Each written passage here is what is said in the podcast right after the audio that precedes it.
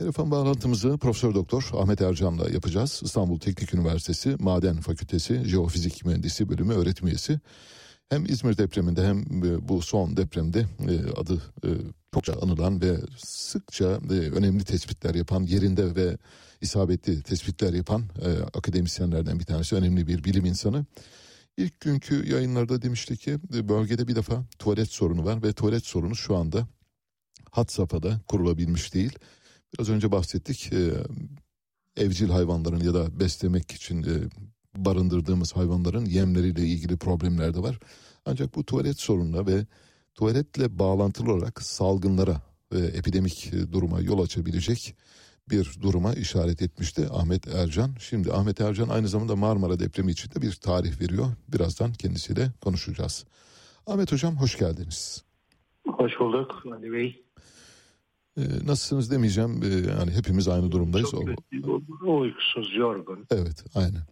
Şimdi moralimiz bozuk çok. Türkiye bilim bilimin ve bilim insanlarının e, artık sesini daha iyi duymaya ve anlamaya başladı. Yani bu olumlu bir gelişme. Bunun bile bir kazanım olduğunu düşünüyorum. Yani bu kadar insanın hayatı pahasına olan bir kazanımdan bahsediyoruz ama maalesef işte bir hurafeye bir şeyimiz var. O yüzden bundan uzaklaşıyoruz. En azından bilime kulak vermeye başladılar. Tam 15 dakika vaktimiz var hocam.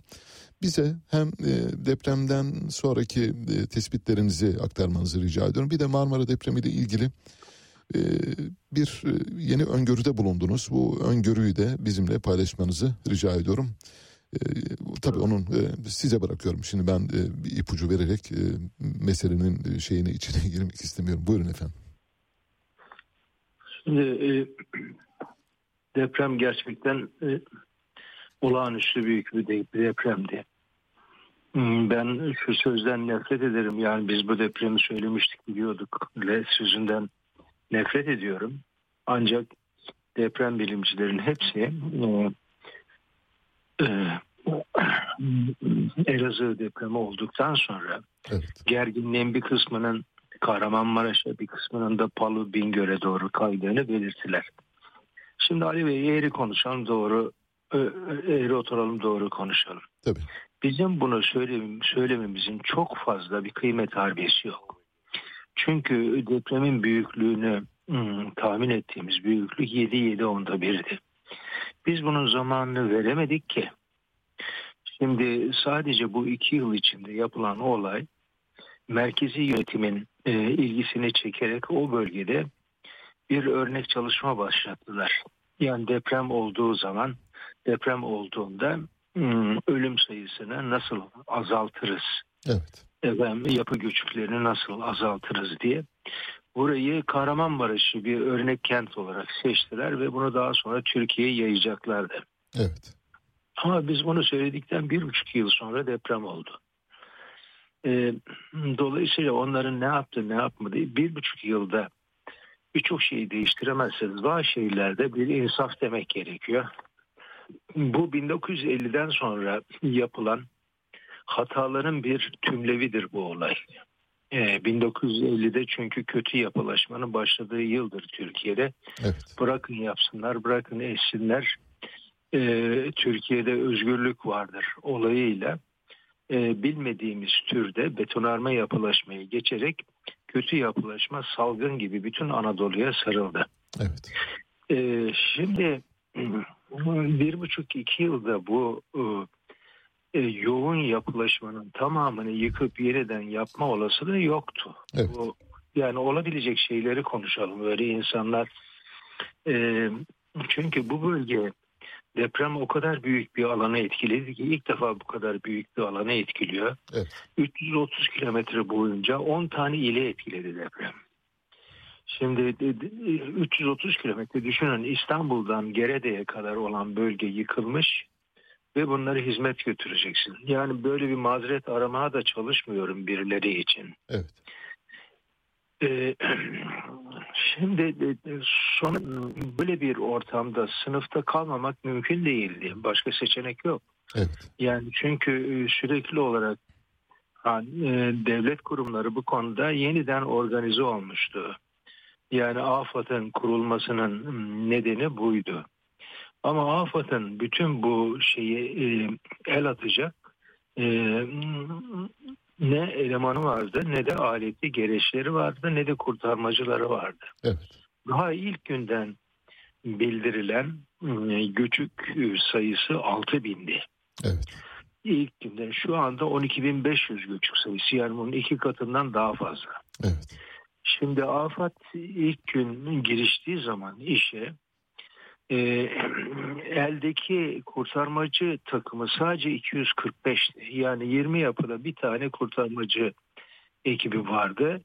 Dolayısıyla acayip bocalandı. Bir şey yapılamadı. Evet.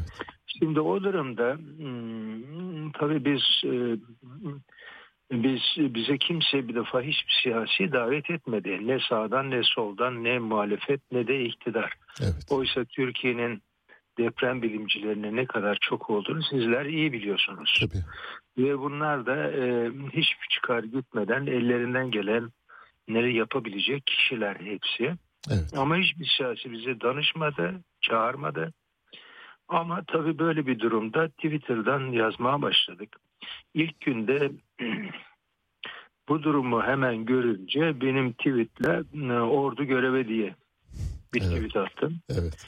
Ve e, şeyi önerdim yani sıkı yönetim ilan edilsin dedim çünkü yağma başlamıştı o bölgede yani her depremde ne yazık ki Gölcük depreminden beri bu yağma olayı sürüyor. Evet. E, hırsızlık olayları ve organ mafyası çalışmaya başlayınca birçok tweet gelmeye başladı bana. Evet. Dolayısıyla o birisini güvenliği sağlaması gerekiyordu. Çünkü hiç tamamen sahibi olmayan başıboş bir olaydı. Evet. O bölgede de e, e, gerek belediye görevlileri, gerekse polis kuvvetleri, e, gerekse itfaiyeleri onlar da bir deprem mağduruydu. Onlar da yıkılan evlerin altında olduğu için yardıma koşamadılar. Evet. Bu durumda tek e, şey orduydu. E, e, sanıyorum Cumhurbaşkanı e, tweetleri iyi izlediği kanısındayım çünkü danışmanı aradı beni. Hı hı. Ve bir gün sonra e, o olağanüstü hali ilan ettiler. Evet. Tabii bu eleştirildi. Seferberlik de ilan edilebilirdi diye. E, ben bu işin bu ayrıntısında değilim. Ama e, ben böyle dedim de onu yaptı demek istemiyorum. Yani onlar bir erkin sahibi. Evet. E, Dolayısıyla ordu e, işe el atınca birden bir rahatlama geldi. Evet. Ama e, normalde tabii ben buna büyük bir eleştiri olarak söylemiyorum ama Türkiye ivedi durum yönetiminde sınıfta kaldı. Evet. E, Yani kötü niyetiyle değil. Yani öngöremedi bu işin bu kadar büyük. Yardım ile gelenlerin eş güdümü kesinlikle sağlanamadı. Yani e, ben ilk defa bir yurttaşlık bilincinin Türkiye'de halen yaşamakta olduğunu gördüm ve bundan kıvanç duydum. Bütün Türkiye devlet oldu. Yani halk devlet oldu. E, Her yerden koştu. Özellikle de kadınlarımız. E, Kurtarma dolayısıyla zamanında başlatılamadı. Yani kurtarmanın e, verimli olduğu gün yaklaşık 3. 4. günler verimli olmaya başladı. Çünkü yurt dışından da gel, geldiler. Mesela Türkiye tam taş kömürü işletmelerinin Evet. yani ben aynı zamanda bir madenci olmam nedeniyle e, gelmesi çok e, önemliydi. Öğrencilerimizi aradık. Oradaki şu anda genel müdür tabii öğrencilerimiz. Evet. Onunla örgütlendiler. Çünkü en iyi kurtarmacı onlardır. Kesinlikle. Çünkü göçük madenlerde hep olur. Ve onlar peyderpey e, gelmeye başladılar. Ama onlara hemen helikopter ve uçak sağlanmasını arzu ettim. Çünkü İzmir depreminde aynı sıkıntıyı görmüştük. Yollar kalabalık olduğu için ve e, Zonguldak'la, Amasra'yla, e, Soma'yla aradaki uzaklık çok fazla olması nedeniyle e, ve kurtarmanın bir dakikası dahi önemli olması nedeniyle askeri helikopterlerle, polis helikopterlerle alın diye öneride bulunduk. Bu konu aksadı. Dolayısıyla arkadaşların oraya en erken gelen yaklaşık 20 saatle 30 saat sonra ulaştılar.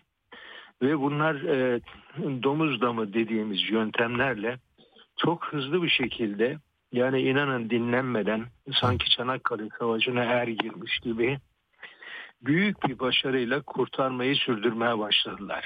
Evet. Ee, yani e, ondan sonra da çeşitli e, biliyorsunuz her şehirde çok e, gönüllü kişiler var. Bunlar da geldiler ama bunlara verecek başta bir tuvalet hizmeti yoktu. Evet. Bunların çoğunun nerede yatacağı hmm, barınma sorunları vardı. Nerede yatacakları belli değildi. Bunlar rezil oldular diğer bir deyimle ama yine gık seslerini çıkartmadılar çalıştılar.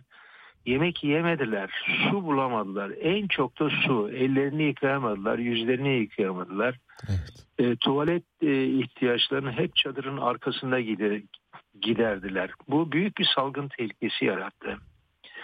E, Kızılay eski bildiğimiz Kızılay yoktu. O görevler AFAD'a aktarılmıştı. Kızılay sadece yemek e, e, veriyor ve e, e, kan e, verme işlemlerini sürdürüyordu. Birçok doktor yurt dışından dahi hemşire alanlara koştu ama bunların çoğuna görev verilemedi. Evet. Yani bunlardan işte sertifikalar soruldu. Özellikle yurt dışından gelenler veya Ankara'dan onay alınması soruldu. Evet. Ee, elektrik verilemedi her yerde. Biliyorsunuz jeneratör eksikliği çok fazlaydı. Evet. Elektrikler de kesik olduğu için elektrik verilmediği için birçok yerde akşam aramaları yapılmadı. Ee, siyasiler birden ortamı doldurdular. Bu en çok bizi etkilediğini söyleyebilirim. Doğru. Ee, siyasiler, siz te- televizyonlar ve radyolar bu konuda kurtarmacılarla beraber en önde göre, görevini yapan kişilersiniz. Çünkü sizler bize araziden görüntüler ilettiniz. Biz onlar üzerine değerlendirmeler yapabildik. Ama televizyonlara çıktığımız zaman konuşmalarımız hep siyasilerin uzun, efendim e, sıradan e, ve siyasi konumlarını korumak üzere Evet. Beylik konuşmalar. yaptık. Evet. yaptıkları konuşma beylik konuşmalarla e, sürdü ve hatta ben bir televizyon kanalına burayı siyasileri dinletmek için bizi çağırdınız diyerek ayrılmak zorunda kaldım. Hocam çok özür dileyerek araya giriyorum. Ee, süre biraz kısıtlı. Son bir dakikada özetlerseniz sizi yarın sabah yine aynı saatte alalım. Ee, Marmara depremiyle öngörünüzü yarın e, paylaşalım olur mu? Bir 60 saniyede toparlarsanız öyle e, vedalaşabiliriz. Kusura bakmayın lütfen ne olur. O, estağfurullah bu olağanüstü bir durum. Şimdi halkın tabii merak ettiği bu depremler şimdi oradan bir göç başladı aslında. İşin en kötü tarafı o. Doğru. Şimdi bu ana kadar yaklaşık 225 bin kişi bölgeden ayrıldı. Ve bunların çoğu dönmemek üzere ayrıldılar. E, bu büyük bir e, göç, iç göç sorunuyla karşı karşıya kaldık. Bunun ağırlığını Antalya, İstanbul, Bursa, Ankara ve İzmir gibi şehirler bunun altında kalacaklar. Ağırlığının altında kalacaklar. Ama tabii oradaki halk hep kapılarını açtı bu. Sorun o değil aslında bölgenin e, demografik yapısının değişiyor olması. Özellikle stratejik bir sorun çıkabilir gelecek günlerde. Evet. Hatay, Kilis, Gaziantep, Urfa gibi e, kritik yerlerde. Yani güvenlik sorunları e, çıkabilir. Demografik sorun çıkabilir. Ha şimdi halkın merak ettiği acaba bundan sonra büyük deprem olur mu? Bundan sonra büyük deprem olmaz. E, çünkü 7 depremin ilk depremin büyüklüğü 7.8 7.9 büyüklüğünde ve yıkım gücü 12 idi. Evet. Erişilebilecek maksimum bir duruma zaten erişildi. Bundan daha ötesi yok zaten. Ama bunun artçı depremleri 6.8 6.9'a kadar geciktiği olmadı. Olmaması gerçekten bir şans çünkü kurtarmacılar göçük altındayken bunlar olsaydı Tabii. çoğu kurtarmacı aşağıda kalabilirdi. Yani ben e, benim bu depremden övüncüm her şeye rağmen yurttaşlık bilincinin Türkiye'de halen yaşıyor olması Kesinlikle. ve e, devletin e, halkın bir devlet olması ve tek bir yumruk şekline gelmesi. Evet. Onun için ben bütün bu kahramanlarımızı hepsini kutluyorum. Peki hocam.